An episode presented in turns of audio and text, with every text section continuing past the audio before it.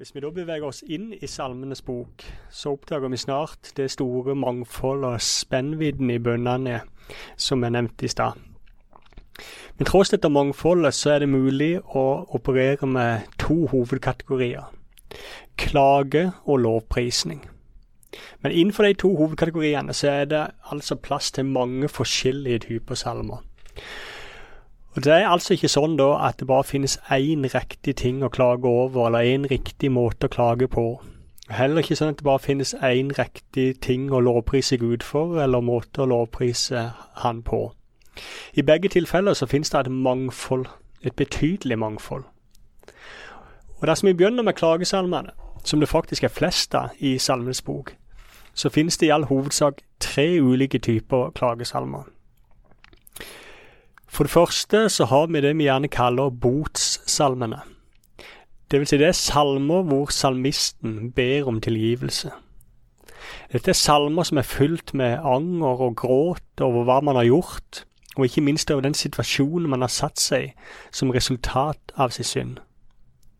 For så mange mennesker har opplevd, problemet med synd er det ikke bare det at man har gjort noe galt, at det er en forbrytelse mot Guds bud, men det er også det problemet at det gjør så fryktelig vondt. Den ødelegger forholdet både til Gud og mennesker. Det skaper sår som ikke så lett lar seg lege. Og det, den smerten som synda volder, det vitner botsalmene veldig sterkt om. Salme 25 som eksempel. Tenk ikke på min ungdoms feiltrinn og synder. Tenk på meg i din miskunn, Herre, for du er god. For ditt navns skyld, Herre, tilgi min synd, for den er stor. Vend deg til meg og vær meg nådig, for jeg er ensom og hjelpeløs.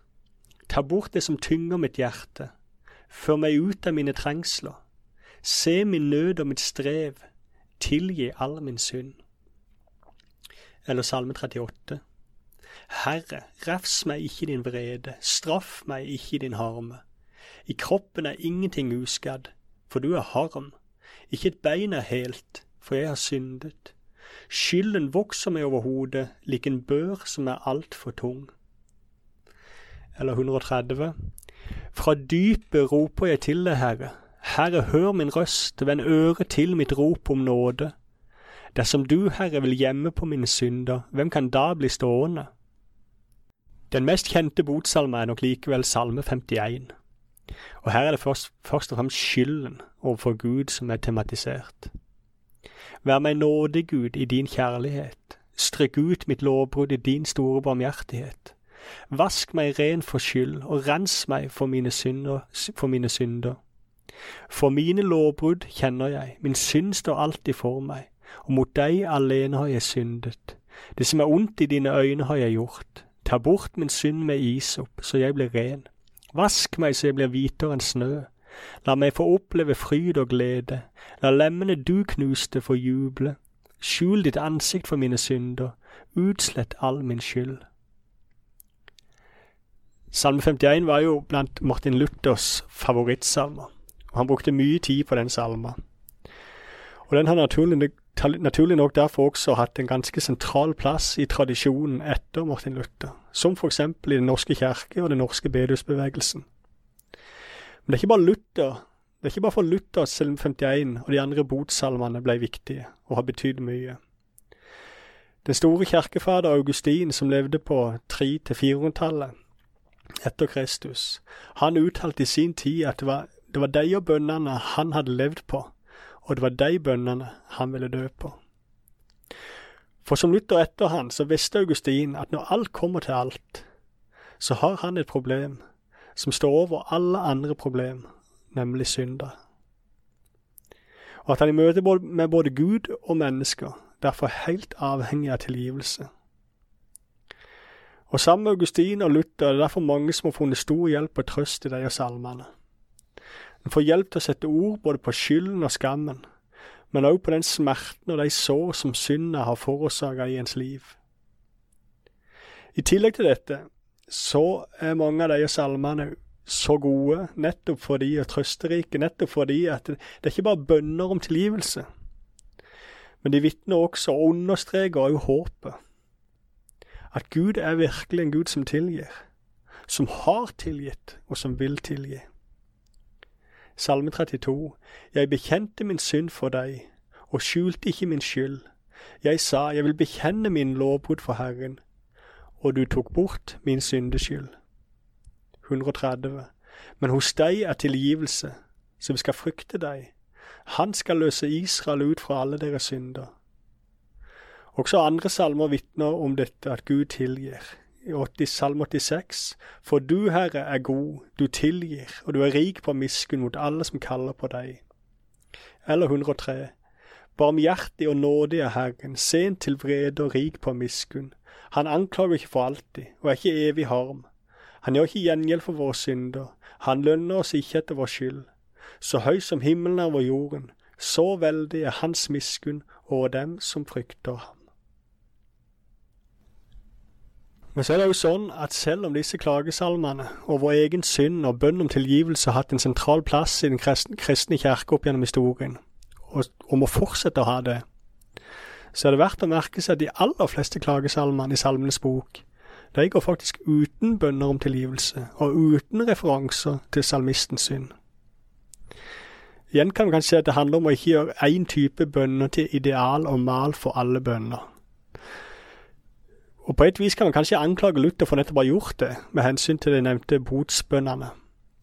I et brev som han skriver til en venn for å veilede han i bønnen, så sier Luther blant annet at en bønn til Gud bør innledes på følgende måte.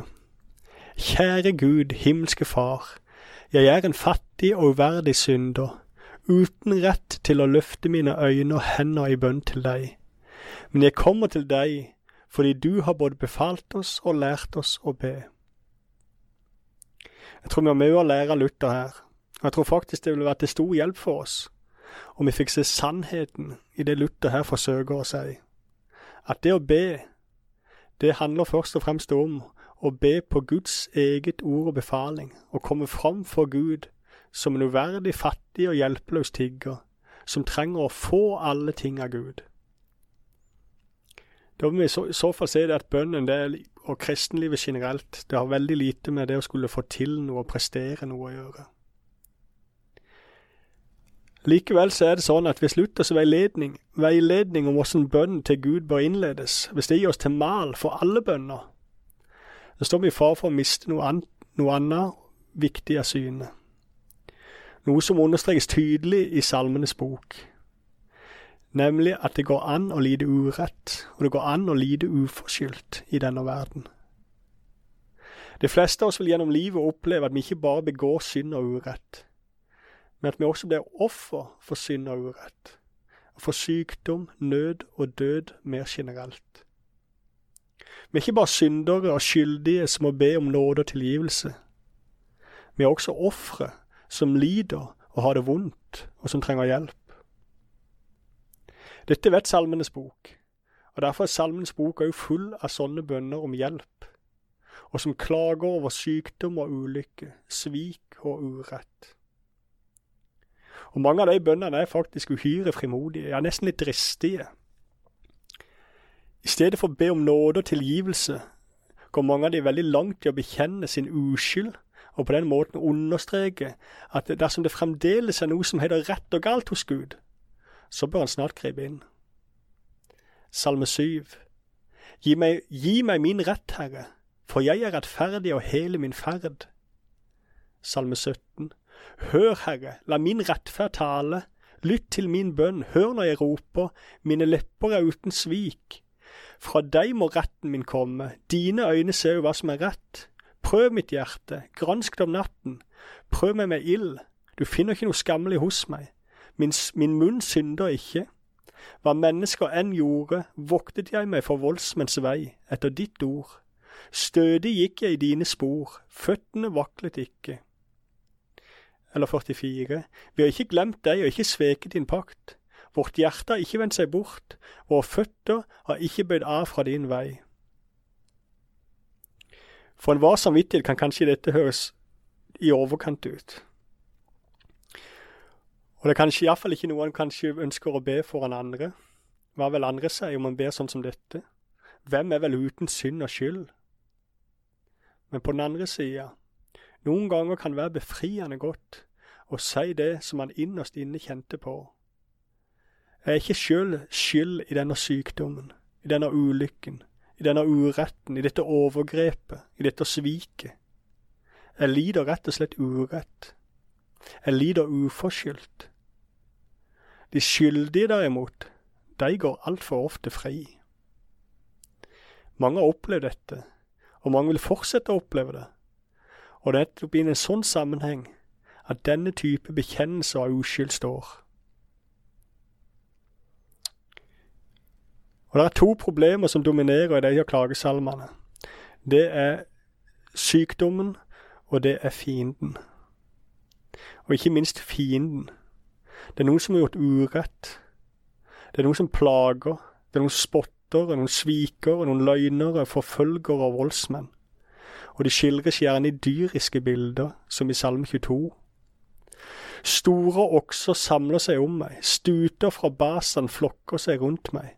De sperrer opp gapet mot meg, lik en løve som brøler og river i stykker. Dette er intense bønner. Ja, det er så intense som livet kan være når man rammes av ondskap, lidelse og smerte. Og det er ikke minst utålmodige bønner. Her er det ikke noe 'hvis du vil', eller 'ikke som jeg vil, men som du vil'. Her er det 'helbred meg, Herre', som i Salme 6, eller Salme 7. Reis deg, Herre, din vrede, stå opp mot dem som raser mot meg. Våkn opp, min Gud, du som stevner til doms. Eller 17. Vokt meg som din øyensten, skjul meg i skyggen av dine vinger. Frikjent skal jeg få se ditt ansikt. Eller 22. Skynd deg og hjelp meg, redd mitt liv fra sverdet, fri meg fra løvens gap. Og hvis det drøyer, hvis Gud er taus og ikke svarer, da ropes det bare enda høyere og enda sterkere og enda mer direkte og mer intenst. Hvor lenge, Herre? Hvorfor har du forlatt meg? Hvorfor er du så langt borte når jeg trenger hjelp og skriker ut min nød? Hvorfor har du glemt meg? Hvorfor må jeg gå og sørge mens fienden plager meg? Hvorfor sover du, Herre? Våkn opp! Hvor lenge, hvor lenge skal de urettferdige juble? For noen er kanskje dette fremmede bønner, en fremmed måte å be på. Kanskje til og med bønner som utfordrer ens teologi og tanker om hvem Gud er og hvem en sjøl er. Jeg vet ikke. Men én ting er sikkert. I motsetning til en hel del teologi som finnes på markedet i dag, så er dette bønner som tåler et møte med virkeligheten i vår verden. De tåler et møte med verdens tyranner og undertrykkende regimer. De tåler et møte med naturkatastrofer, pandemier, og sykdommer og ulykker og skader. Eller svik og bedrag, feighet og falskhet. For vår verden er full av ofre. Og bønnene i Salmenes bok er nettopp bønner av og for sånne mennesker mennesker i vår verden som vet noe om og hardhendt livet kan være. Så er det sant at mange av disse bønnene er veldig intense, direkte og dristige i sin tale til Gud. Noen av de synes nesten å forsøke å presse Gud til å handle. Men de er så intense og dristige av en grunn, eller av to grunner. For det første, de er frimodige og dristige fordi de forutsetter at Gud er den han sier at han er. At Gud virkelig er den rettferdige dommer som en dag endelig skal etablere rett og rettferdighet. At Gud virkelig er den store legen som helbreder lamme, døve, blinde, stumme og spedalske. At Gud virkelig er den hjelpeløses hjelper og den farløses far, som tørker bort hver tåre, og som gjør ende på død, sorg, skrik og smerte. Kort sagt, de appellerer frimodig og innstendig til at Gud snart må stå fram og demonstrere at han virkelig er den han har sagt at han er. I tillegg så er det sånn at det er appellene til Gud og hvem han er, til hans karakter. Det er ikke bare retta mot Gud for å minne han på hvem han er. Men indirekte minner de også oss som ber deg og salmene, om hvem det er vi roper til. Bønnen, forventningen og håpet, det er et begrunna det er ikke bare tomme ord ute i lufta. På den måten kan de utålmodige og innstendige bønnene oppdra oss og oppbygge oss til tro og håp og forventning, sjøl når det ser som svartest ut. Derfor er det også typisk for de fleste at de fleste klagesalmene at de avslutter, avslutter nettopp med håps- og tillitserklæringer. Men jeg setter min lit til din miskunn. Mitt hjerte skal juble over din frelse. Jeg vil synge for Herren, for Han har gjort godt imot meg. Salme 13. Eller Salme 27. Men jeg vet at jeg skal se Herrens godhet i de levendes land. Eller Salme 10. Herren er konge til evig tid. Hva de hjelpeløse lengter etter, hører du, Herre. Du gir, de, du gir deres hjerte styrke. Du vender øret til. Du hjelper de farløse og undertrykte til deres rett. Mennesket skal ikke lenger drives fra landet i frykt. Men så er det faktisk òg noen klagesalmer som på et vis ikke synes å komme helt i mål. Som faktisk ikke er ennå så trygt og godt i håp og forventning til Gud som de aller fleste klagesalmene gjør. Det er noen få klagesalmer der tilliten og troen og håpet synes å være knust. Det er bønner som mer enn å håpe på Gud, rett og slett går til angrep på Gud. Og Noen kan kanskje lure på hvem det er som ber som dette, eller hva de egentlig har i Bibelen å gjøre. Men jeg tror vi skal være forsiktige med å avvise de, de bønnene, selv om de er få. For dette er bønner for de av oss som sitter med en dyp opplevelse og erfaring av å være svikta. Ikke bare av mennesker, men svikta av Gud som derfor ikke alltid syns klarer å synge med når resten står og synger, og løftene kan ikke svikte, nei, de står evig fast. For de sitter med noen erfaring at Gud har sviktet, gjentatte ganger. Og jeg syns òg det gjør inntrykk at Salmens bok nettopp tar sånne erfaringer på alvor. Det er nok av hellige skrifter rundt om i verden som ikke gjør det. Du vil for eksempel leide ganske forgjeves etter sånne bønner i Koranen. Der er Allah altfor opp, høyt opphøya til å akseptere sånne bønner. Men i motsetning til Koranen er dette bønner som på et vis gir Bibelen og den kristne tro det jeg kaller et menneskelig ansikt. Det er bønner som tar mennesket på alvor med alle sine erfaringer, opplevelser og følelser. Kanskje det beste eksempelet er Salme 89. Det er en ganske lang salme og begynner faktisk med å liste opp alle Guds løfter til kong David. Men så konkluderer det. Du ga et løfte, Gud, men se her, se hva du har gjort. Hvis vi begynner å lese fra vers 36. Gud, du har sagt, en gang for alle har jeg sverget, så sant jeg er hellig, jeg vil aldri lyve for David. Hans ett skal vare til evig tid, hans trone skal stå som solen foran meg. Den skal stå fast for evig som månen, det trofaste vitne i skyen. Men du har støtt bort den du har salvet. Du forkastet ham og ble harm på ham. Herre, hvor er din miskunn som du viste oss før, den du sverget David i din trofasthet? Her anklages Gud for ikke å ha holdt sine løfter, rett og slett for å ha svikta sine løfter. Andre salmer i samme kategori beskriver Gud først og fremst som en fiende som den som har gjort vondt imot salmisten. Og Mest typisk er Salme 88. Du, Gud, har lagt meg i hulen der nede i det mørke dypet. Du har drevet vennene mine bort og fylt dem med avsky for meg. Du fyller meg med redsel, jeg er rådvill. Det er ikke så mange sånne bønner i Salmenes bok, og de skal i fall ikke, derfor iallfall ikke dyrkes eller idealiseres på noen måte. Men de er der, og skal derfor heller ikke foraktes og fornektes. For det fins noen mennesker som i visse stunder gjennom livet faktisk ikke klarer seg uten de. Og dessuten så vil jeg påstå at selv om dette er bønner som i utgangspunktet synes å ta et oppgjør med Gud, og nærmest gjøre seg ferdig med Gud, så skal du leide lenge etter bønner der lengselen etter og håpet til Gud er sterkere enn nettopp i de bønnene. For det er jo fortsatt bønner som adresseres til Gud, på tross av erfaringen av svik og fiendskap. På tross av knuste håp og forventninger, så er det intenst håp om at Gud før eller siden, på en eller annen måte, likevel skal vise seg å være, være til å stole på. At det virkelig skal være sant at Gud er god, at han er trofast, og at han elsker, og at han vil meg godt. Det er bønner som vitner om en lengsel og et håp, der all erfaring tilsier at det ikke lenger finnes noe håp. Og På den måten er det et slags håp mot håp, som Paulus sier i Roman 4. Og én ting er sikkert. Å håpe mot håp, det er ikke noe mindre tro eller mindre ære verdt enn å hvile tillitsfullt i et håp.